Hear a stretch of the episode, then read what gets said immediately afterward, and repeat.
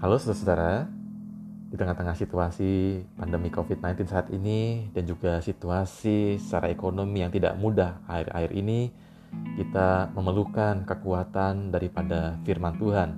Dan untuk itulah podcast ini saya buat untuk dapat memberikan suatu kekuatan bagi kita sekalian, khususnya dari perenungan atas firman Tuhan.